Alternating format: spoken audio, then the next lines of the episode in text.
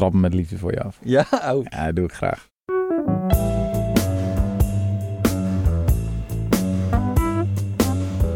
Dames en heren, trouwe luisteraars van de Rudy en Freddy ja, hallo. Daar zijn we weer. Ja. Dit is aflevering nummer 156. Jesus. Ik heb het even gecheckt. Ja? Wow, dat is echt veel. En het is het begin, tromgeroffel, van seizoen 6.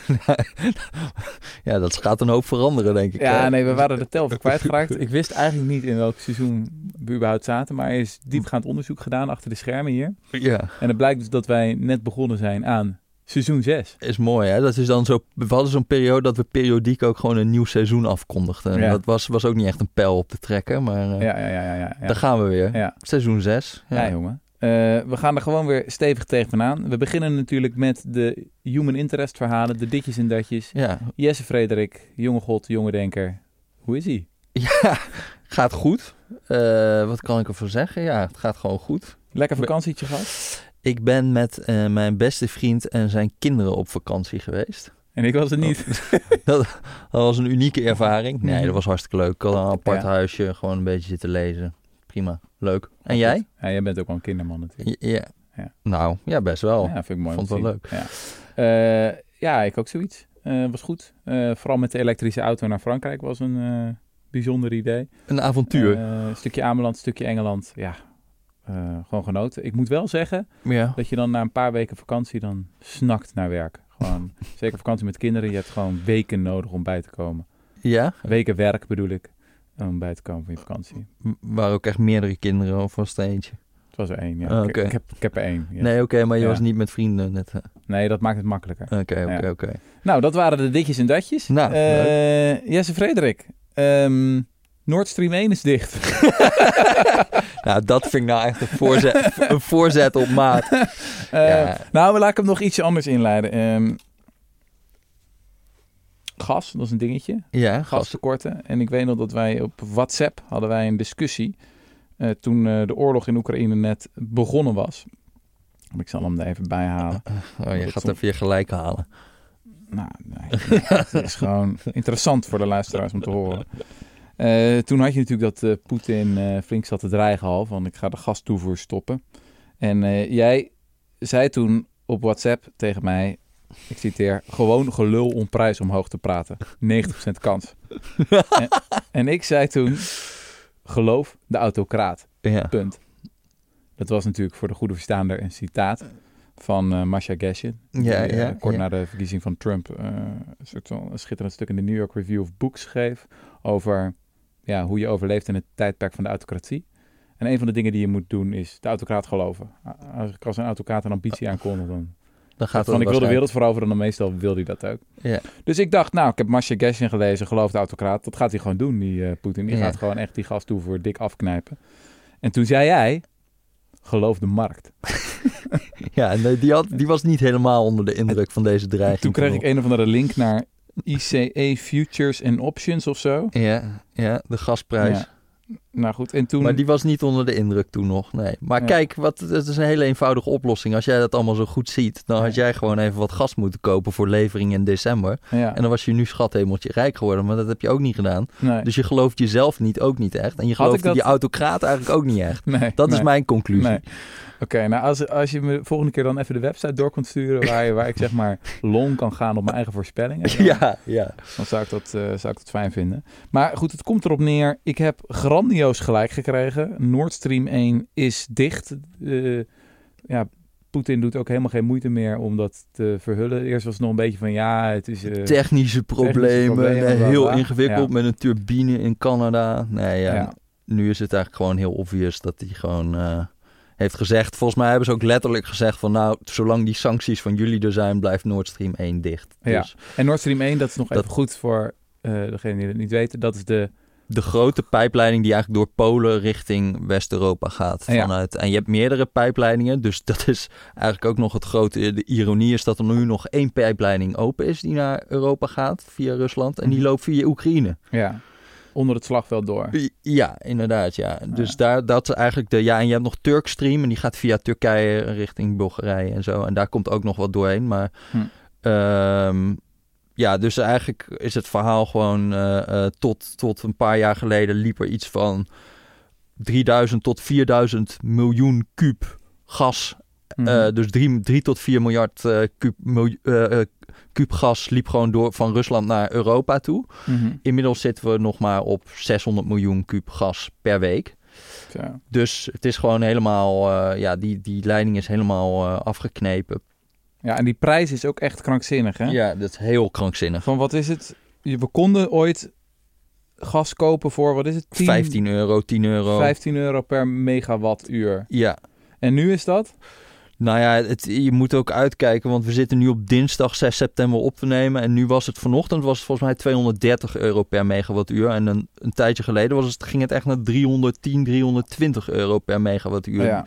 Dus je vraagt je eigenlijk ook bijna af nog hoeveel informatie zit er nog in die prijzen. Want het is allemaal speculeren op wat zo'n Poetin ging doen of niet ging doen of Ja. weet ik veel wat. De markt weet het ook even niet. Nee, nee. Moeten we die autokraan nou geloven? Ja, als nee. ja, inderdaad, nee. ja, ja.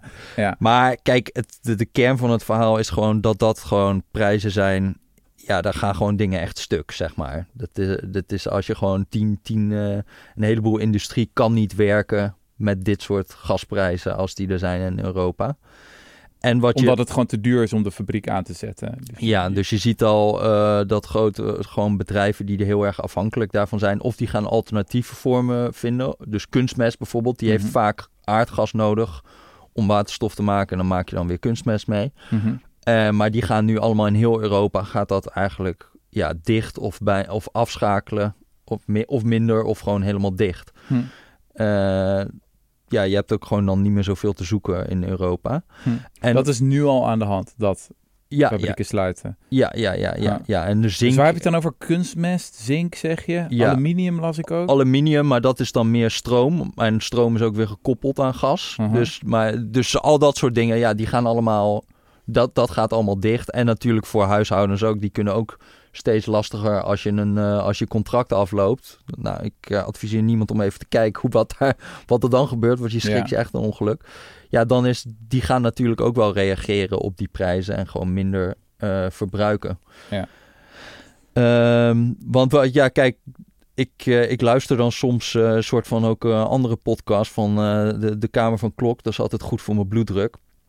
Maar daar is krijg je, dat is van de. Volkskrant, ja. Dan krijg je van, die, van dat soort analyses van... eh, ja, waarom is het nou zo duur? Ja, het komt omdat we het aan de markt hebben overgelaten. Dat soort, dat soort verhalen. Maar er is gewoon best wel een logische reden waarom het heel erg duur wordt als, zeg maar, Rusland de gaskraan dicht eh, draait. En dat is dat we dat gas ergens anders moeten gaan halen. Mhm. En een van de grote bronnen is Noorwegen, maar dat deden we ook al voordat Rusland de gaskraan dichtdraaide. En die zaten eigenlijk al op hun max. Ja. Dus waar al dat gas nu vandaan komt, is vooral vloeibaar gas. Eh, dus je hebt in Qatar en in eh, Amerika hebben ze, hebben ze gewoon heel veel gas nog. Mhm. En daar persen ze dat gas dan samen. En die, o- onder hele lage temperaturen wordt dat op tankers ingeladen. En die gaat gewoon de hele wereld over, die tankers, om dat gas ergens heen te brengen. Ja. En Europa moet gewoon dat gas dus gaan wegkopen van andere landen die dat ook willen hebben. Wij bieden meer eigenlijk. Wij zijn zo schathemeltje rijk dat we eigenlijk iedereen kunnen overbieden voor dat eh, vloeibare gas. Dus je ziet eigenlijk dat alles wat er aan eh, eh, Russisch gas is weggevallen, of het grootste deel, is gewoon opgevangen met vloeibaar gas. Dus tot een jaar geleden of zo hadden we iets van eh, eh, 1500 miljoen kuub per week wa- wat er eh, eh, aan vloeibaar gas aanmeer. Nu zitten we op iets van 4000 miljoen kuub. Dus we hebben dat echt verdubbeld in een jaar. Hm. En hoeveel vloeibaar gas er nu binnenkomt. Hm. Ehm, maar ja, dat komt hier natuurlijk niet zomaar. En als een, als een producent de keuze heeft, we kunnen naar Japan, Zuid-Korea, China of Pakistan. Mhm. En dan, dan moeten wij wel een hele hoge prijs betalen. Willen we zo'n tanker verleiden om deze richting uit te gaan komen. Dus je zit in een soort biedingsstrijd met de rest van eh, de wereld. En hebben die andere landen dan wel de flexibiliteit om over te stappen op andere energiebronnen? Nou, dat is dus eh, leuk dat je het vraagt. Dat is nog wel iets dat, eh, dat je dus. ehm, dat we ons misschien niet genoeg beseffen. Maar ja, wij, de eerste landen die natuurlijk niet meer gas krijgen, zijn de arme landen die het niet kunnen betalen om dat vloeibare gas nu hierheen Ja. te krijgen. Dus bijvoorbeeld Pakistan, daar heb je dus al maandenlang allerlei eh, blackouts en problemen om hun gascentrales aan te houden Ja. omdat zij geen vloeibaar gas meer kunnen eh, krijgen. Sterker nog, het is echt heel erg cynisch. Want zij hadden dus allerlei soort van lange termijn contracten ook met aanbieders om dat vloeibaar gas naar hun uh, toe te geleiden. Maar uh, ja, die lange termijn contracten, die hebben gewoon, uh, die, die, die mensen die dat zouden geven, die hebben gewoon gezegd van we betalen de boete wel aan jullie wow. om dit contract op te breken. Want Ja. we kunnen nu zo krankzinnig veel geld verdienen in Europa, dat al die tankers gewoon deze kant op uitkomen. Dus je bent eigenlijk ook wel hiermee, en dat is niet alleen in Pakistan, hè, je hebt ook Dat is wel echt fascinerend. Dus Europa breekt gewoon die lange termijn contracten open. Want we betalen voor alles. Ja, nou ja, Europa doet dat ook niet expliciet van doe, doe, maar, eh, doe maar dat contract door openbreken. Maar uiteindelijk wordt het gewoon een economische afweging. Ja, Ja. dat, is het, dat is het gevolg. Ja. En daarmee veroorzaak je natuurlijk gigantische schade daar. Want wij hebben dan nu een discussie van zou het wel eens fout kunnen gaan in de winter, bla bla. Nou ja, waar gaat het al fout? Daar moeten ze gewoon al de textielindustrie, zeg maar, de hel- helft van de dag moesten ze al uitzetten. Omdat er gewoon geen stroom meer was Ja. vanwege die... In Pakistan staat er nog voor een derde onder water. Ja, dat krijgen dus, die hebben nu helemaal last van de zeven plagen. Mhm. Maar ja, en je hebt dus nog meer dat je gewoon ziet dat ze eh, terugschakelen op alternatieve bronnen van eh, eh, elektriciteit. Dus dan heb je het over kolen. Of wat in, in Azië ook nog veel is, heb je gewoon op olie energiecentrales. En dat is Mhm. echt nogal primitief. Dat is helemaal niet efficiënt. Hm. Dus allemaal dieselcentrales en dergelijke. Ja, en dat is natuurlijk ook eh, vrij funest voor het klimaat. Ja. En je kan je afvragen ook vooral eh, wat het doet op een soort van langere termijn. Kijk, bijvoorbeeld aan dat Pakistan is heel erg de belofte gegeven heel lang van oké, jullie willen een soort van stabiele eh, elektriciteitstoevoer. Dus er hebben, is heel veel geïnvesteerd, ook volgens mij vanuit de Wereldbank en zo, om die LNG, eh, dus die vloeibaar gasterminals aan te leggen. En oké, ga daar maar op. Mhm. Maar nu wordt dat eigenlijk, die hele belofte is gewoon totaal gebroken. En ja, waarom zou je niet gewoon weer op kolen gaan? Of eh, iets wat wel een veel stabielere vorm van energie is. Ja, ja, ja. Dus dat is een beetje het eh, soort van stille gevolg van wat Europa nu doet om zelf haar eigen eh, gas te gaan regelen. Mhm. Ja, en dat kan je je van afvragen of we dat altijd wel helemaal meenemen in onze. Eh, in onze Ja, het is natuurlijk makkelijk om, eh, als je de blik op ons houdt, dan, dan is het heel erg ja, de gedachte, gaan we het halen deze winter, weet je wel? Kunnen we de huizen warm houden? Kunnen we onze industrie overeind houden? Is er misschien een dikke beelhoud nodig? Maar ja, het is zoveel van de schade die we eigenlijk exporteren. Ja. Een beetje een waterbedeffect. Hoewel je ziet aan de andere kant ook wel weer, en dat vind ik dan positief, maar bijvoorbeeld Japan had na Fuku- Fukushima hebben ze heel erg eh, zeg maar al die kerncentrales uitgezet. En dat Mhm. was echt volgens mij 20% van hun elektriciteitsvoorziening of nog meer. Mhm. En dat is helemaal, ja, eigenlijk helemaal weggevallen. En dat hebben ze voor een groot gedeelte opgevangen, ook met vloeibaar gas. Ja, Maar die zijn dat nu allemaal aan het heroverwegen. En die willen dus eigenlijk weer een heleboel kerncentrales open gaan doen, omdat het ook gewoon niet te betalen is. ja, Dus dat zie je ook wel. ja. Nou ja, en, dat, en die discussie speelt natuurlijk ook eh, in Europa. ja. Van eh, België en eh, Duitsland, die samen eigenlijk het plan hadden om hun, om hun kerncentrales allemaal te sluiten. Mhm. En ja, dat is natuurlijk wel een beetje twijfelachtig om dat nu te gaan, nu te gaan doen. Het komt in- over als pure decadentie bijna. Dat je, die luxe heb je niet in een energiecrisis om gigantische bronnen van energie dan maar even uit te zetten. Eh, het, ja, het voelt zo alsof we herinnerd zijn aan zo'n fundamentele kant van de economie waar het allemaal op draait. Ja, Zo makkelijk om te vergeten ja, dat uiteindelijk onze economie, ja, de basis daarvan is de energietoevoer. ja. Je denkt soms bijna van nee, eh, alle toegevoegde waarde dat komt door, weet ik veel, de ICT of de tech en alles gebeurt in de cloud en zo. Maar uiteindelijk, in ieder product zit een energiecomponent. Energie is de basis van alles. En we Ja. zijn, het voelt dan bijna alsof je in slaap bent gesust. het is een soort jarenlang. van voorwaarde voor alles. Ja, hè? Ja, Ja. ja. En het, was een, het is natuurlijk een relatief klein deel van de economie in termen van BBP. Mhm, Toch een paar procent of zo is de energiesector. mhm. Maar kijk, als de, de, de vakantiemarkt wegvalt, dat is misschien ook een paar procent, maar dan stort, stort niet alles in. Ja. Maar dat is voor de energie. Nou ja, daar had ik dus wel, ook ja. wel wat soort van aan het begin van die crisis, eh, of toen er net Oekraïne-inval was, kregen allemaal van die economen die een soort van projecties deden van, joh, draai heel die kraan dicht. Het is allemaal soort van, we verzinnen wel substituten, we kunnen hier wel van af. Eh, maar dan denk ik vaak wel aan, aan, aan dit soort van dit fysieke component. Van Mhm. ik weet, je weet niet echt wat voor eh, vervolgschade dat allemaal geeft in zo'n hele keten. Van als Mhm. dit wegvalt, dan valt dat weg. En dan valt dit weg. En dan Mhm. dat, dat, dat is gewoon volgens mij niet zo makkelijk om zo'n sommetje te maken van, oh ja, dat kost 5% van het BBP of zo. Ja, ja. Sowieso is het nu met terugwerkende kracht, moet ik zeggen, wel grappig om te zien wat, oh, hoe makkelijk men toen riep van, joh, draai die hele kraan dicht, zeg maar. Dat is natuurlijk best wel een beetje een absurde soort van, je ziet al hoeveel stress er nu, nu al kwam toen, toen, toen Poetin eh, het op 50% zette en toen 25 en toen nu 0. En nu hebben we nog het geluk dus dat we al die gasopslagen. eh, dus dat is vaak met, eh, met, met gas, hè, dat is heel cyclisch. Dus in de Mhm. zomer wordt eigenlijk veel minder gebruikt, omdat dan ja, de huizen niet verwarmd moeten worden. En in de winter wordt er heel veel gebruikt. Dus wat iedereen eigenlijk doet, is dan, ja, dan koop je in de zomer om gasopslagen vol te doen. En dan kan je, verkoop je het weer in de winter. Mhm. Nou ja, als we aan het begin van die Oekraïne-crisis, als daar helemaal geen Russisch gas meer was gekomen, ha- hadden nu die gasopslagen, wat wel best wel goed is gedaan door EU, om dat in ieder geval te- af te dwingen dat die flink gevuld zijn. Maar dan was dat Mhm. nooit gelukt. En dan was, was, waren de problemen nog veel groter geweest. Ja.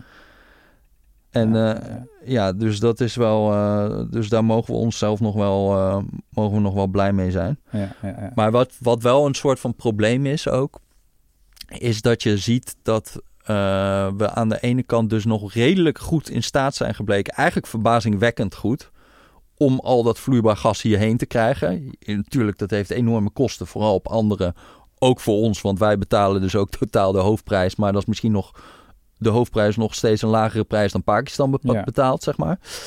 Eh, en we zijn dus in Nederland heel goed in staat geweest om ook allemaal eh, meer capaciteit in heel snel tempo op te bouwen om al dat vloeibaar gas eh, hier het net in te krijgen. Dus Ja. er hangen nu allemaal soort van tijdelijke terminals voor de Rotterdamse haven. Dat is best wel knap gedaan. Maar aan de vraagkant, dus aan hoeveel gasverbruik we eigenlijk zijn verminderen, Mhm. dat valt, valt eigenlijk op Europees niveau valt dat echt vies tegen. Dus Hmm. is, is nauwelijks, ja, of er was tot in de eerste helft van het 2022 geloof ik 4% reductie of zo. 5% reductie. Wat toch wel echt verbazingwekkend is als je ziet dat die prijzen keer 20 zijn gegaan van gas. Hm. En hoe komt dat nou? Ze hebben dus voor heel veel, eh, heel, heel veel mensen die gas gebruiken, betalen eigenlijk helemaal niet die, die dagprijs van gas. Mhm. Dus een heleboel overheden hebben ook allerlei soort van regels en regelgeving om bijvoorbeeld huishoudens te behoeden van al te grote prijsstijgingen. Mhm. Maar heb je het vooral over huishoudens of ook over... Ook industriële afnemers, en dat heeft dan ook vaak te maken met, met, met lange termijn contracten die zij afsluiten. Dus vaak betalen zij niet de Ja. dagprijs, maar ze hebben een contract afgesloten voor vijf jaar, wat dan eh, voor een bepaalde prijs is vastgesteld. Nou ja, nu is die prijs veel hoger, maar dan is het verlies is eigenlijk voor dat energiebedrijf wat heeft gezegd van eh, wij zullen jullie voor deze prijs leveren. Ja. Nou, ik zal je het eh, even een kleine persoonlijke anekdote, een petit histoire personnel. ja. Ja. ja, mijn energie is alleen maar goedkoper geworden. Ja. Ehm, net voor de hele stijging begon van de prijzen, volgens mij augustus vorig jaar, heb ik hem even vastgezet voor vijf jaar. Ik was Oh. altijd zo'n schraalhaas die zat te shoppen, weet je wel. Ieder jaar eh, eh, weer een nieuw eh kortingje binnen. Ik dacht, wat ben eigenlijk een schraalhaas, Rutger? Zet hem gewoon even vast. Ja. Netjes bij. Wat is dit? Green Choice. Gewoon even die duurzame transitie steunen. Kunnen ze ervan op aan? Nou, dat is goed uitgepakt. Want Ja. we krijgen wel al die kortingen ook, weet je. Die BTW gaat omlaag enzovoort. Ja, dus ik ja. zit nou op, wat is het, 15 cent per kilowattuur? ja. Ik moet altijd in, als ik met de elektrische auto naar de correspondent kom, dan verdien ik geld. Want de kilometervergoeding die ik van de corrie krijg, die is hoger dan wat ik aan marginale kosten voor mijn eh, stroom heb. ja. Eh, dus nee, ik heb niet erg sterke economische prikkels om eh, Europa bij te staan in de gascrisis. Nee, Ik precies. draag natuurlijk al mijn steentje bij. En- douche enzovoort. Maar dan moet je wel zeggen dat, dat Nederland volgens mij relatief nog veel van die kosten doorrekent aan consumenten vergeleken met andere Europese landen. En wat je dus gewoon ziet, is dat eigenlijk al die Europese landen heel erg veel beleid gaan voeren om te voorkomen dat mensen die prijs voelen. Dus, ze, dus eh, nou ja, wat je al zegt, ook in Nederland Ja. is daar natuurlijk beleid voor gevoerd Ja. dat, je, dat je die belastingen omlaag gooit. En dan neem je eigenlijk die prikkel weg om, eh, om, om gas te reduceren. Ja. Om de, en uiteindelijk, kijk, dat, dat, dat zie je gewoon in die discussie heel vaak eh, gebeuren van... wat is nu de kern van het probleem? Te veel vraag en te weinig aanbod. Ja. Er is gewoon een enorme aanbodshock omdat Rusland is weggevallen. Moet al dat gas heel duur inkopen uit de rest van de wereld. Mhm. Uh, en de vraag die uh, daalt niet mee. En wat je ziet is dat dan politici heel boos worden over dat die prijs stijgt. En Mhm. die gaan iets doen aan die prijs. Terwijl het fundamentele probleem zit gewoon in die vraag-aanbodverhouding. Hey, nou hebben we het met de huizenmarkt er wel eens over gehad. Dat je eigenlijk twee smaken hebt als er te weinig huizen zijn. Eén, je kan voor hoge prijzen gaan. Dus dan is het gewoon de markt die dat vertaalt. Uh, of je gaat voor de wachtlijsten. Weet Ja. je wel? Met, met sociale huur waar je gewoon... Maar dat is een, dan een andere vorm van prijs. Je betaalt met je tijd eigenlijk. Je moet 20 jaar wachten voordat je een huurwoning hebt in Amsterdam of waar dan ook. Mhm. Is dat iets wat we hier dan ook gaan zien? Dat het gewoon of hoge prijzen wordt of ransoneren dan in, in dit geval? Nou ja, Of wij, wachten totdat je de verwarming aan mag zetten? wij hebben gewoon een markt voor gas en een markt voor stroom. En Mhm. eh, eh, ja, er er circuleren heel wat hele domme ideeën op het moment. Nou, gaan ze Dus zelf. ja, nou ja, om gewoon te, te zeggen bijvoorbeeld, ja, wij, wij willen gewoon eh, maar eh, eh, 100 euro voor gas betalen, punt. Dan is natuurlijk de eerste vraag van hoe ga je dan dat gas kopen? Want voor 100 euro komt het hier niet heen vanuit Pakistan, zeg maar. Nee. Eh, Oké, dus dan gaan ze dan weer via een andere route gaan ze dat dan weer subsidiëren. Dus dan gaan ze wel die energie, zeg maar, dat de consument niet de prijs voelt van dat hoge gas. Mhm. Maar dat wij dan die producent, nou ja, of die gaat failliet, dan moeten we hem redden. Of we gaan gewoon hem een subsidie geven om toch dat gas te blijven inkopen. Ja. Maar dan krijg je natuurlijk weer het probleem dat, dat je aan de ene kant dus wel eh, helemaal geen prikkel hebt om de vraag te reduceren. Nee. En een steeds hogere prijs moet gaan betalen omdat het aanbod gewoon eh, eh, duur is. Dus Ja. dat is een hele kostbare manier Ja. van dit oplossen. Ja, het kan wel. En ik zie het politiek ook wel een soort van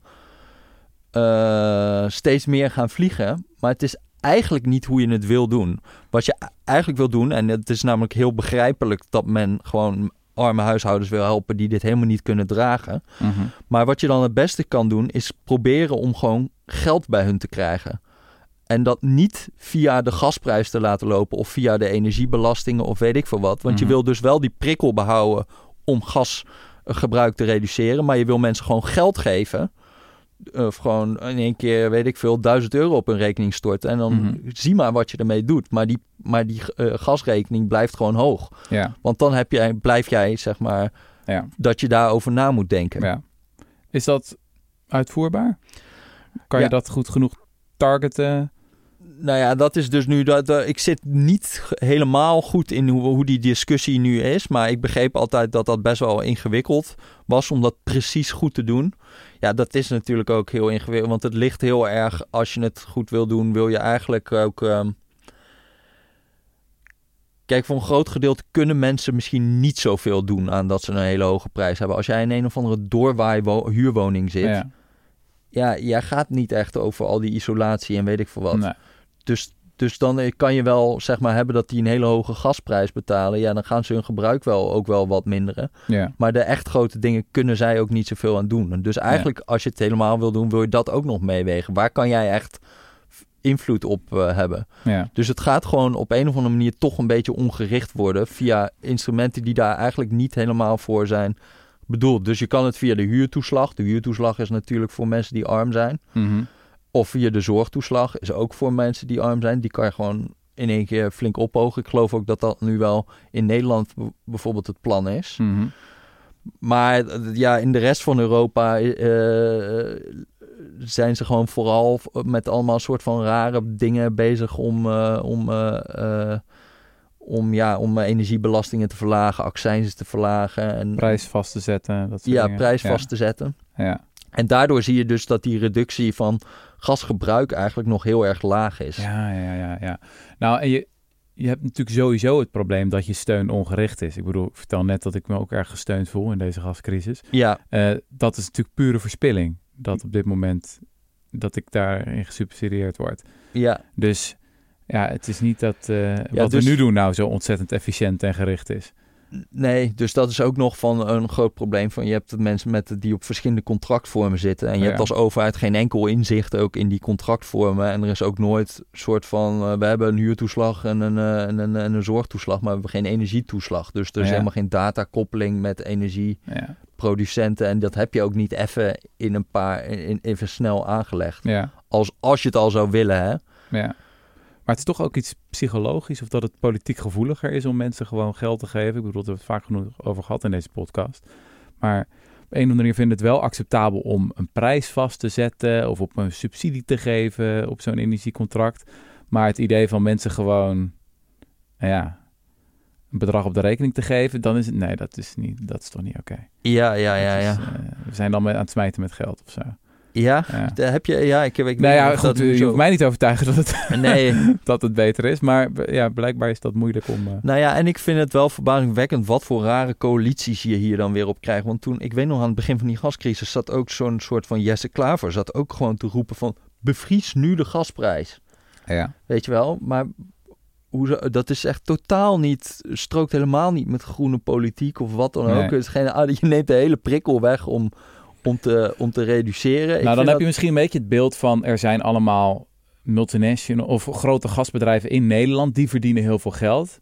En dat moeten we afromen. We mogen niet... Ja, maar dat en- is dus... Maar dat is dus niet de situatie. We zitten in een internationaal speelveld... waar we gewoon geen gas krijgen... als we niet die hoge prijzen betalen. Ja, Zo simpel is het. ja, ja. het is ja. betalen of ja, bevriezen. Dat is een beetje de nou ja, de en dat is nog wel het grappige. Nu komen er allemaal soort van eh, voorstellen voor eh, de windfall tax. Hè? Dus gewoon eh, om een, een soort van eenmalige heffing te gaan doen op allerlei energiebedrijven die helemaal binnenlopen. Oh ja, excessieve winstbelasting. Excessief, Excessieve winstbelasting. Nou, dan moet je even eigenlijk iets begrijpen van die stroommarkt. Want waar, waar dit vandaan komt. Want dat is dus de tweede kant waar ook de prijzen helemaal door het dak gaan. Hè? Dus, eh, Ja. Gas is heel duur, maar stroom is ook heel duur. Ja, en, en, en stroom. En, en en nou ja, een paar weken geleden ging het. Toen schrok ik me ook echt helemaal ongeluk. Maar toen waren de Duitse stroomprijzen, prijzen, geloof ik, 1000 euro per megawattuur. En dat was altijd ook iets van 50 euro per megawattuur. Uh, en dan. En Frankrijk nog meer. En, eh, maar Hoe kan dat eigenlijk? Want wij krijgen geen stroom uit Rusland. nee, Dus dat, dus dat zit hem eh, in, in dat eigenlijk de stroomprijs voor een heel groot, of het grootste deel van de dag, is dat vaak gekoppeld aan de gasprijs. En dat komt door iets wat dat noemen ze de merit order. Ehm, en dat betekent eigenlijk dat eh, de, eh, de, de energieproducent met de eh, hoogste variabele kosten, dus wat het meeste kost om eh 1 mega, extra megawattuur te maken, die bepaalt de prijs. Dus om dat een beetje intuïtief te maken, ehm, dat is ook gewoon iets van wat je eigenlijk ziet in elke markt. Dat is niet alleen in de stroommarkt. Mhm. Dus stel dat je bijvoorbeeld twee tarweboertjes zou hebben. En Mhm. eentje die is soort van hypermodern. En die andere die is heel ambachtelijk en eh, niet zo heel erg efficiënt. Ja, En die hypermoderne die kan 1 ton tarwe maken voor 2 euro. ja. En die andere die kan, eh, de kostte 10 euro om eh, Ja. een ton tarwe te maken. Nou ja, die hele dure boerderij, die gaat natuurlijk, of die hele inefficiënte, die gaat natuurlijk niet verkopen voor minder dan 10 euro, want dan maakt die verlies. Ja. Maar die hypermoderne boerderij, die weet dat hij het ook voor 10 euro kan verkopen, want dat is wat die andere verkoopt. Aha, ja. En eh, dus waarom zou die voor minder dan 10 euro verkopen? Mhm. Dat wordt een ander verhaal als de vraag naar tarwe dus weer zo klein is dat maar één boerderij aan kan gaan, zeg maar. Mhm. Dan gaat de prijs langzaam weer naar die 2 euro, Mhm. omdat dat de kostprijs is van die hele hypermoderne boer. Ja. En dat zie je eigenlijk ook op de elektriciteitsmarkt. Dat is, dat is dus die merit order. De energiebronnen die de laagste variabele kosten hebben, dat zijn zon, wind. Ik bedoel, die moet je neerzetten. Dat heeft vaste kosten. Maar als ze er eenmaal staan, dan leveren ze eigenlijk voor bijna geen extra euro per megawattuur. Dus ja, bijna nul. Ja. Nucleair is ook zoiets. Dan moet je de eh, eh, nucleaire brandstof, dat uranium, maar dat kost ook eigenlijk geen drol op de hele kosten. Mhm. Dus die, staan, die, die, die kosten ook heel weinig. En zo heb je een soort van in stapjes omhoog. Kolen kost wel, want dan moet je die kolen inkopen. Mhm. Eh, ook een hoge ETL, eh, eh, uitstootrechten. En nu is natuurlijk gas staat helemaal aan het einde van die, eh, van die merit order. Mhm. Dus die hebben gewoon, eh, die bepalen eigenlijk de prijs als de vraag tenminste zo hoog is dat die aan moeten staan. Ja, ja. Dus dus, als op- al het gas, al het wind, al het nucleair al gebruikt wordt, Dan gaat gas aan. dan gaat gas tellen eigenlijk. En vroeger ging gas niet zo vaak meedoen of minder vaak meedoen. Begrijp ik het goed wat je zegt? Dat het toen vaker... nee, toen was gas gewoon goedkoper. Oh ja, dat speelde Dus, natuurlijk dus, ja, eh, ja. En, en je hebt dus over de hele dag gezien, heb je gewoon momenten. Want het is elk, el- eigenlijk eh, wordt een dag van tevoren, wordt voor elk uur, moet iedereen gaan voorspellen wat hij de volgende dag aan energie gaat eh, doen. En daar wordt een soort van veiling over gehouden. Maar je hebt hele delen van de dag dat er bijvoorbeeld wel heel veel zon en wind is. En waar de prijs zelfs negatief kan worden in het, in het beste geval. Dan betalen ze je om energie af te nemen, om Ja, stroom af te voor- nemen, omdat ze er gewoon vanaf moeten. Ja, omdat het gewoon dat ja, dan kan je ook niet zoveel anders doen, want je, ja, je kan wel die winddingen, turbines op een gegeven moment uitzetten, Mhm. maar zeg maar dan kan de prijs in ieder geval heel erg laag worden, Ja. omdat dan het gas ook niet aan moet en ook de kolen en dan heb Ja. je gewoon een momenten op de dag waar nou ja, meer dan de helft van de e- elektriciteitsvoorziening zon en wind is. Ja. Maar op de momenten dat dat niet zo is, en dat zijn er ook een heleboel, dan is eigenlijk gas bijna altijd de laatste producent. Ja, ja. En dat bepaalt dan de hele stroomprijs voor de voor eigen. eh, ja. En ik begreep dat gas ook wel handig is, omdat je het makkelijk aan en uit kan zetten, toch? ja, dus dat is. Eh, tegenstelling tot een kerncentrale kan je, kan je niet zo, zeg maar, de, a- als je op het knopje van de kerncentrale drukt, dan duurt het wel even voordat die gaat draaien. ja, dus dat heb je ook nog heel vaak. Dus als je al, al- als je. wat ik zei al van de dag van tevoren moet iedereen eigenlijk gaan voorspellen wat ze de volgende dag gaan opwekken. Ja, En dat is natuurlijk vooral bij zon en wind eh, niet geen sinecure van Ja. dat je dat precies exact kan voorspellen. Dus als daar onbalans in komt, het energienet moet altijd in balans zijn. Dus vraag en aanbod moeten op elkaar afstemmen, anders krijg je zeg maar blackouts. Ja. Dan, ehm, en dan moet eigenlijk de netbeheer, eh, eh, dus Tennet in Mhm. Nederland, die moeten dan heel snel vragen aan gascentrales, vlug, zet het aan of vlug, zet het uit. Hm. En dat zijn bijna altijd gascentrales die die onbalans oplossen. Hm. Eh, en die krijgen daar ook een prijs voor betaald. Mhm. De onbalansprijs heb je dan. En die weer wordt doorgerekend, die onbalansprijs, aan iedereen die verkeerde voorspellingen deed de dag van tevoren. Oh ja. Snap je? dus het is echt een, best wel een ingenieus systeem. Ja. Want daardoor hebben dus weer iedereen een prikkel om goede voorspellingen te doen. ja. Om, om te, zodat iedereen weet hoe het precies zit. Dus, eh, Dus mijn elke dag is er een super complexe dans eigenlijk van alle verschillende energiebronnen en aanbieders.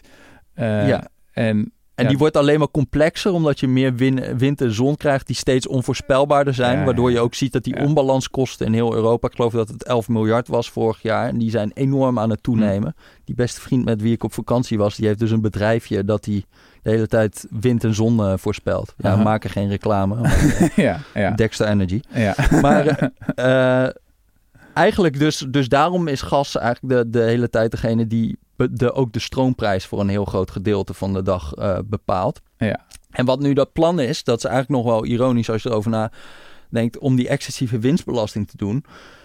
Ehm, wie zijn nou de producenten die zeg maar heel erg veel winst maken op die stroommarkt op dit moment? Ja, dat zijn de partijen die hele lage variabele kosten hebben en dus wel de stroomprijs krijgen van gas. ja. Dus wind, zon, nucleair, Ah, eh, ja, ja, ja. Die, die, die zijn eigenlijk de grote begunstigsten. ja, want je zonne-energie kost geen zak om te maken, maar Nee. je krijgt er heel veel geld voor. Jij krijgt er nu gewoon de stroomprijs voor. Ja. Als je het op de dagmarkt verkoopt, dat is een cruciale nuance, want dat, zou- dat, dat, maakt ook die hele excessieve winstbelasting nog niet eh, zo eenvoudig. Oh, ja. Maar wat dus iedereen eigenlijk voorstelt om die grote overwinsten te belasten, is eigenlijk in de praktijk waarschijnlijk een enorme belasting op al die duurzame energie. Wat ook Het wel zijn weer... helemaal niet de shells en de grote... Nou, die, die, daar hoeven ook duurzame mee takkenpakje hebben. Maar eh, op de, als je het op de stroommarkt toepast, dus wat Duitsland nu voor plan heeft, eh, die willen dus eigenlijk, eh, nou ja, ben- ook een beetje complex, maar die willen dus voor een groot gedeelte eh, willen die dat gaan wegbelasten. Dat verschil tussen gas en eh, eh, duurzame energie. Mhm. Ja dat, dat, dat- ja, dat wordt dus dan gewoon een belasting op al die duurzame energieproducenten. Maar dat wordt ook nog wel ingewikkeld, want de vraag is natuurlijk ook weer wat voor contracten hebben zij. Als zij alles op de dagmarkt doen, dan Mhm. maken ze nu enorme winst. Maar soms leggen ze ook gewoon een enorm offshore windpark aan en dan gaan ze een contract voor vijf jaar aan. Ja. En dan hebben ze helemaal niet die dagprijs. En als je dan in één keer een soort van excessieve winstbelasting zou gaan doen of zo. Ja, eh, misschien trek je de hele toko omver, Ja, zeg maar. Omdat het helemaal niet is gezegd dat zij... Nee, ik zit eh, voor vijf jaar bij Green Choice. Dus eh, Ja, ja. dus dat is, dus dat is ook nog wel, zeg maar... ja, het is wel grappig hoe die hele discussie dus eigenlijk ook is omgeslagen. Want een paar jaar geleden was het natuurlijk een soort van SDE plus, allemaal subsidies, om, zodat we een soort van eh, vaste energieprijs konden bieden, zodat Ja. ze in ieder geval die eh, windmolens eh, neerzetten. ja, Rutte zijn toen windmolens draaien niet op wind, maar op subsidie. ja. Ja. Terwijl nu is het het goedkoopste van het goedkoopste. Ja, ja, ja, ja. Nu, Is ja. het hyper concurrerend. ten ja, het is van- hyper concurrerend, ja. En daarom kan je ook ze afvragen. Kijk, nu heeft iedereen heeft me in één keer, omdat de uitkomst van wat die markt nu aan signalen geeft, dus dat is die prijs, Mhm. dat bevalt niemand, want het is fucking duur. Ja. Maar wat het eigenlijk schreeuwt naar iedereen is: bouw meer wind, bouw meer zon, bouw meer. eh, dat is allemaal hyperrendabel nu. En bouw geen gas en gebruik geen gas. ja. Eh, dus eh, het kijk, er is wel wat voor te zeggen dat die nu wel zo krankzinnig veel winst maken. Dat, het, dat ze echt niet nog meer prikkel nodig hebben om die investeringen te doen. Bovendien, de vraag is of zoveel investeringen überhaupt mogelijk zijn. Omdat de bottleneck is meer vergunningen en Ja. personeel dan dat je er te weinig geld mee verdient. Ja. Dus zo erg is het nou misschien ook niet als die wat minder winst gaan maken. Maar in principe is het wel gewoon, ja, eh, die, die uitkomst die de markt nu geeft is best wel logisch. ja, ja, ja. En Nee, ik zag een sommetje van iemand van het rendement van zijn zonnepanelen op het dak. Vroeger had je van die sommetjes, die kwamen dan uit op, wat is het, 10% of zo. Ten Mhm. opzichte van wat je van je spaarrekening zou krijgen. Dus dat de, de opbrengst in termen van besparing op je energierekening eh, is dan ja, ongeveer 10% op jaarbasis. Ehm, en dat dat nu kan oplopen tot, wat is het, 40, 50% of zo. Het is echt, ja, ja, is ja, echt ja. heel gunstig. Het is niet meer omdat je een eh, deugdmens bent en denkt ik wil wat mijn steentje bijdragen. Het is, het is nu gewoon echt eurotekens in je ogen als je die zonnepanelen op je dak legt. Ja, Maar goed, volgens mij heeft heel Nederland zich dat ook wel eh, ja. eh, gerealiseerd. Want En- zijn ook niet aan te streven. En in dit verband is, is dan ook nog wel heel teleurstellend. Is, ehm, want kijk, de, de, de, de grote factor op die stroommarkt is natuurlijk dat Duitsland of eh, dat eh, eh, Rusland gewoon die gastoevoer dicht doet en dat die gasprijzen daardoor door het dak gaan. Maar de, ook wij hebben een beetje een soort van zeven plagen. Want ondertussen hebben we ook een enorm probleem met kernenergie. Hm. En kernenergie, dan gaat de discussie heel vaak over ja, Duitsland en België die dat dan dicht willen gooien. Mhm. Eigenlijk is een nog veel groter probleem op dit moment is niet Duitsland en eh, België die dat dicht willen gooien. Dat scheelt ook een beetje. Maar de, eh, het, het ergste is eigenlijk dat Frankrijk, die het helemaal niet dicht wil gooien, ze niet open kan houden. Dus een heleboel van die kernindustrie in, in Frankrijk ligt gewoon plat. En ze hebben een soort van heel veel achterstallig onderhoud van corona. Dus dat zat erin. Mhm. Maar ook gewoon, ja, eh, plotselinge autootjes. Zeg maar dat het in één keer storingen, eh, dingen, eh, corrosie. Het gaat, ze zijn ook allemaal oud natuurlijk. Mhm. En dat heeft gewoon dit jaar al, zeg maar, eh, 30 terawattuur in de eerste helft van dit jaar. En stel dat Duitsland nu al die kerncentrales dicht doet, dat gaat over 16 terawattuur. Ik heb geen idee wat dat is. Nou ja, Zeg maar ten opzichte van wat? 16, 30, wat betekent dat? ik geloof dat in heel Europa de energieconsumptie van 700 terawattuur is. Ah, ja. Sorry, het is helemaal geen 700 terawattuur. Het is bijna 2700 terawattuur. Ja, Het zijn wel serieuze aantallen. dat zijn wel ja, hele serieuze aantallen, ja. En, en, en dat is dus... eh, ja, dat is dus al die, al, die, eh, eh, al die kernenergie die wegvalt... wordt ook weer opgevangen door de marginale producent. Dus grotere delen van de dag bepaalt gas dan de prijs. Snap ja, je? precies. Ja, ja, ja. Kernenergie valt weg. Er is geen zonne-energie over. Er is geen windenergie over. Alles is al, Ja, is al op. Dus het enige wat dan nog kan is gas. En gas is gewoon peper, peper duur. Dus, en dat betaalt, eh, bepaalt dan de, ja. de prijs. Zo simpel is het. Ja, en, en, ehm, ja, en, en, en nu is wel gewoon een soort van de verwachting, of ja, maar goed, dat zeggen ze al wel vaker, dat zij hopen dan dat eh, al die kernenergie het in de winter weer gaat doen. Mhm. Eh, want dat is natuurlijk ook wel weer de crux, want dan is eh, het elektriciteitsverbruik vaak veel hoger. Ja. Ehm, dus nou ja, dat is een beetje, een beetje hopen. Maar als dat niet zo is, dan heeft Europa een nog veel groter probleem. Ook omdat, die, omdat dit gewoon een Ja, enorme Want het is allemaal met elkaar verbonden, hè? dat hele Europese stroomnetwerk. Daar lopen gewoon... Ja, dat is ook nog wel interessant. Dat is niet overal is dat even, even goed verbonden. Uh-huh.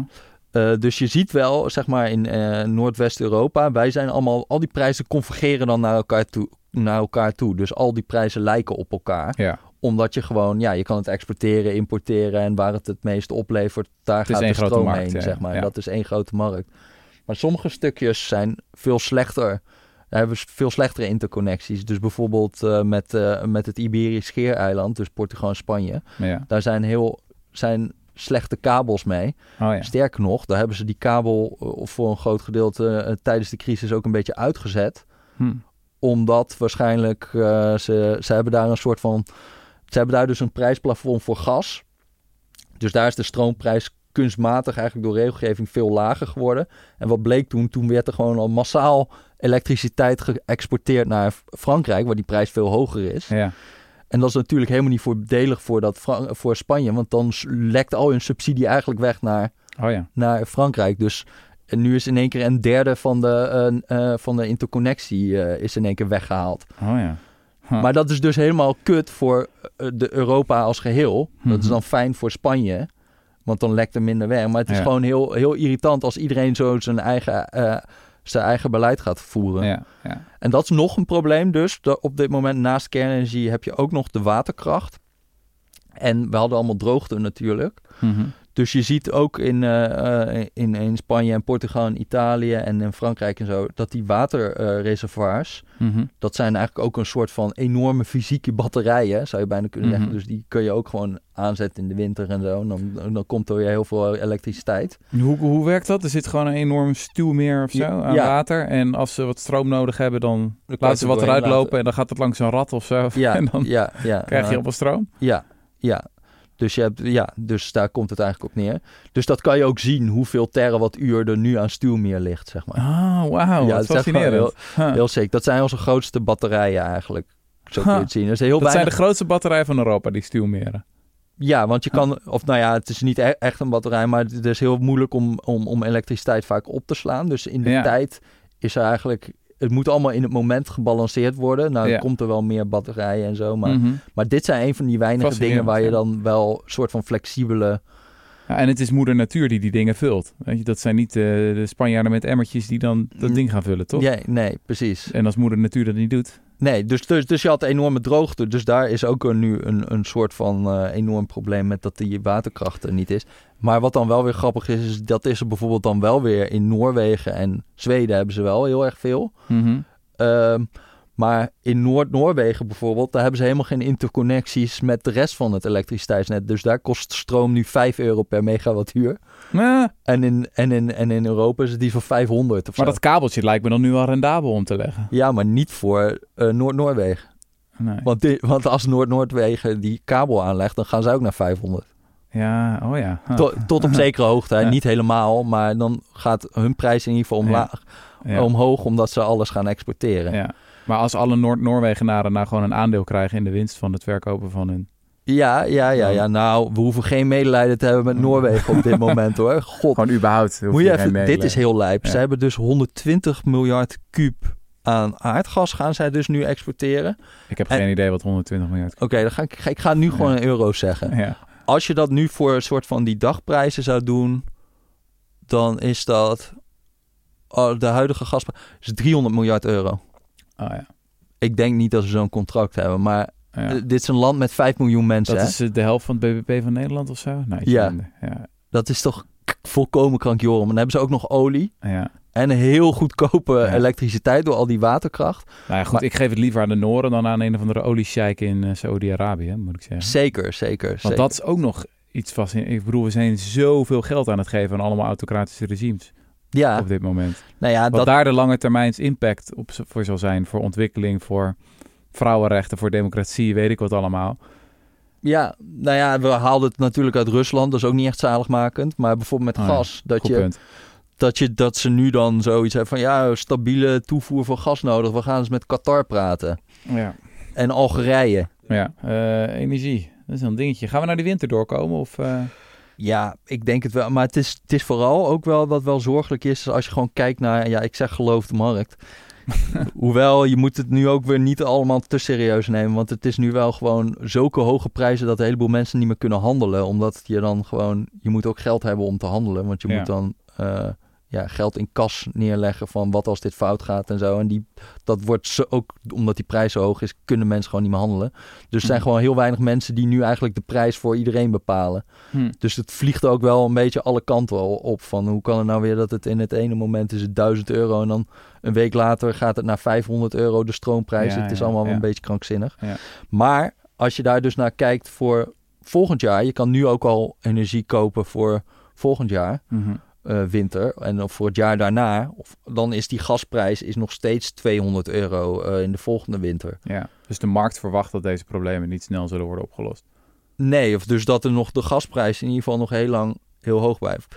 Ja, en het goede nieuws, want dat is er natuurlijk ook wel, is dat, dat dit eigenlijk meer doet voor, voor zeg maar zon en wind. Nou ja. ja. En, en voor allerlei alternatieve energiebronnen en het uh, energie besparen en de isolatie dan wat dan ook. Ja is heel ironisch eigenlijk. Hè? Rutte zei ooit windmolens draaien op subsidie. Ja. En nu is het andersom. Het is gewoon gas en, en olie en alles draait. Alles wat fossiel is, draait op heel veel subsidie. Was eigenlijk stiekem daarvoor ook al een beetje zo. Maar nu al helemaal. Terwijl ja, wind en zon, dat is gewoon uh, ja. gratis euro's on the sidewalk. En het is ook een beetje treurig, want die, die Poetin, ja, het lijkt dan nu nog wel allemaal leuk. Maar dat dat Rusland wordt echt een basket case als het zo doet. Want die zijn totaal onbetrouwbaar in zeg maar wat hun enige export zo'n beetje is. Ja. Nou ja, oké, ze hebben ook nog heel veel olie en dat kunnen ze altijd wel ergens slijten. Dat komt ook allemaal gewoon de markt op. Hoe dat gebeurt, dat weet ook niemand. Maar, maar dus, maar dit, dit, dit, ja, dat is gewoon natuurlijk helemaal klaar. Dat die nog gas nee, je gaat nooit meer, aan, Je gaat het sowieso afbouwen, hoe dan ook. Hoe dit uh, oorlog verder ook afloopt. Ja. Europa wil je niet meer afhankelijk van zijn. Maar ondertussen, het is, weet je, dat is wel iets waar mensen dan eh, toch wel vaak heel makkelijk over denken. Maar al die, al die industrie die gewoon dicht gaat in Europa. En gewoon de prijs, als je nu ziet hoeveel procent van het BBP er betaald moet worden aan energieprijzen in, uh, in zo'n Duitsland en zo. Dat is echt volkomen krankzinnig. Hm. Dus het is wel een enorm welvaartsverlies. Ja. Uh, echt een enorm welvaartsverlies. En worden dat op een gegeven moment ook gewoon bail-out van fabrieken too big to fail zijn. Zo van dat je echt een hele belangrijke aluminiumfabriek hebt of zo. Die, die, ja, ik weet niet of dat nou... Uh, ja, maar ja, goed, wat... Nou, op een gegeven moment ja, ze gaan hem niet afbreken of zo. Iemand, iemand gaat het wel kopen en uh, als die verwacht dat de elektriciteitsprijzen op een gegeven moment weer omlaag gaan, dan hoef je niet. Maar als het heel lang duurt, dit, als, het, als de markt gelijk heeft en het duurt een aantal jaren, dan heb je gewoon jarenlang onrendabele zware industrie in Europa. Ja. Wat gaat er nog gebeuren? Nou, die gaan allemaal naar IJsland en Noord-Noorwegen. ja. Kan je dat makkelijk Alle, Aluminium zit al heel veel in IJsland. Daar hebben ze heel veel geothermie, is super goedkoop. En dan kan je ook wel makkelijk inpakken wat we hier hebben staan. Nee, nee, dat gaat helemaal niet makkelijk. Nee. Maar het is wel echt de vraag, ook voor Nederland zelf overigens. Uh, want uh, ja, wij waren gewoon een land met lage, relatief lage elektriciteitsprijzen en vooral heel veel gas. Waar had dat ook weer mee te maken? Ja, hebben we het nog niet over gehad? Daar hebben we nog niet eens over gehad, nee. Maar, Andere podcast, Groningen. Ja, ja. Maar, dat, maar dus, heel veel industrie die hier staat, staat daarom hier. Ja. En waarom zou die hier nog staan als je straks, als je hier totaal krankzinnige prijzen hebt en... Uh, ik bedoel, we hebben ook wel eh, andere bedrijven zoals ASML die helemaal niet zo elektriciteitsafhankelijk zijn. Maar gewoon een heleboel dingen. Kunstmest, raffinaderijen. Ja, dat heeft dan nog wat met je haven te maken. Aluminium. Uh, maar dat is toch echt Tata best wel eh, lijp. Dat gewoon, als dit langer aanhoudt, dat al deze zware industrie uit Nederland zou verdwijnen. Nou ja, ik weet niet of, of het helemaal gaat. Er is gewoon heel weinig reden. Ik kan het ook niet helemaal inschatten. Hè, maar er is weinig reden om in Europa te zitten bij deze prijzen. Ja. En dat is wel een soort van. Dat moet echt wel. Dat moet wel echt opgelost worden. Ja. En dat is niet iets van uh, dat, dat, je al te makkelijk over moet denken van goh, het zijn toch uh, baba multinationals, het deugt me niet. Dat, dat, ja, dat sentiment hoor je dan toch ook wel te, iets te veel wat mij betreft. Ja, ja, Al die, die tuinbouwkassen die ook allemaal kapot gaan. Ja. ja, dat is allemaal niet goed hoor. Nee. Nou ja, vooral als je zelf de producten nog gebruikt, moet je niet... Uh Ja, roepen dat het allemaal wel weg kan. nee, precies. Als je in je tiny house in je hutje op de huis zit, hij zit dan, heb je recht van zeggen. spreken. Ja, dan heb je recht van spreken. Oké, Jesse, we zijn zwaar over tijd. Oké, Eh, volgens mij hebben we iedereen mur geslagen. Ehm, maar veel geleerd. veel geleerd. Eh, dankjewel. Oké, Eh, wij zijn er eh, over twee weken gewoon weer. Seizoen 6 ja. is, eh, Aangevangen? is aangevangen. Ehm, wij gaan nog allemaal lijpe eh, uitzendingen doen. Eh, we hebben er eentje in het verschiet met niemand minder dan... Diederik, Samson. Ja, ik heb, ik Ja. heb er al hard hoofd in hoor. Hoe vaak heeft hij al afgezegd? Hij, maar jij hebt nu toch allemaal energietoppen. Waarom gaat hij bij de Rudy en Freddy show zitten? Ik zou het hem eigenlijk kwalijk nemen als hij er zit. afgezegd. Dus wie weet gaat het, Ja. gaat het gebeuren. Eh, ik wil nog wel een aflevering doen over mijn avonturen in effectief altruïstisch land. ja, Dat is interessant, een beweging die ook aan het groeien is in Nederland. In november heb je de eerste grote effectief altruïsme conferentie in Rotterdam. en moet je daar niet gewoon eerst gewoon geïnvite worden? Want dat is vaak bij die sectes toch? Dat je echt wel eerst... Je moet echt wel echt laten zien dat je gewoon committed bent. Of kan je daar ook gewoon heen als Ja, er is een van de ritueel met een varken en zo. Oké. En, en, eh, en- Oké. nou goed, ik zal niet eh, in detail treden. Ehm, maar dat is mooi voor mensen die dat interessant vinden. Oké, Ehm, ja, dat hebben we gewoon gezien. ja, we hebben er zin in en word lid. Doei. Ja, doei.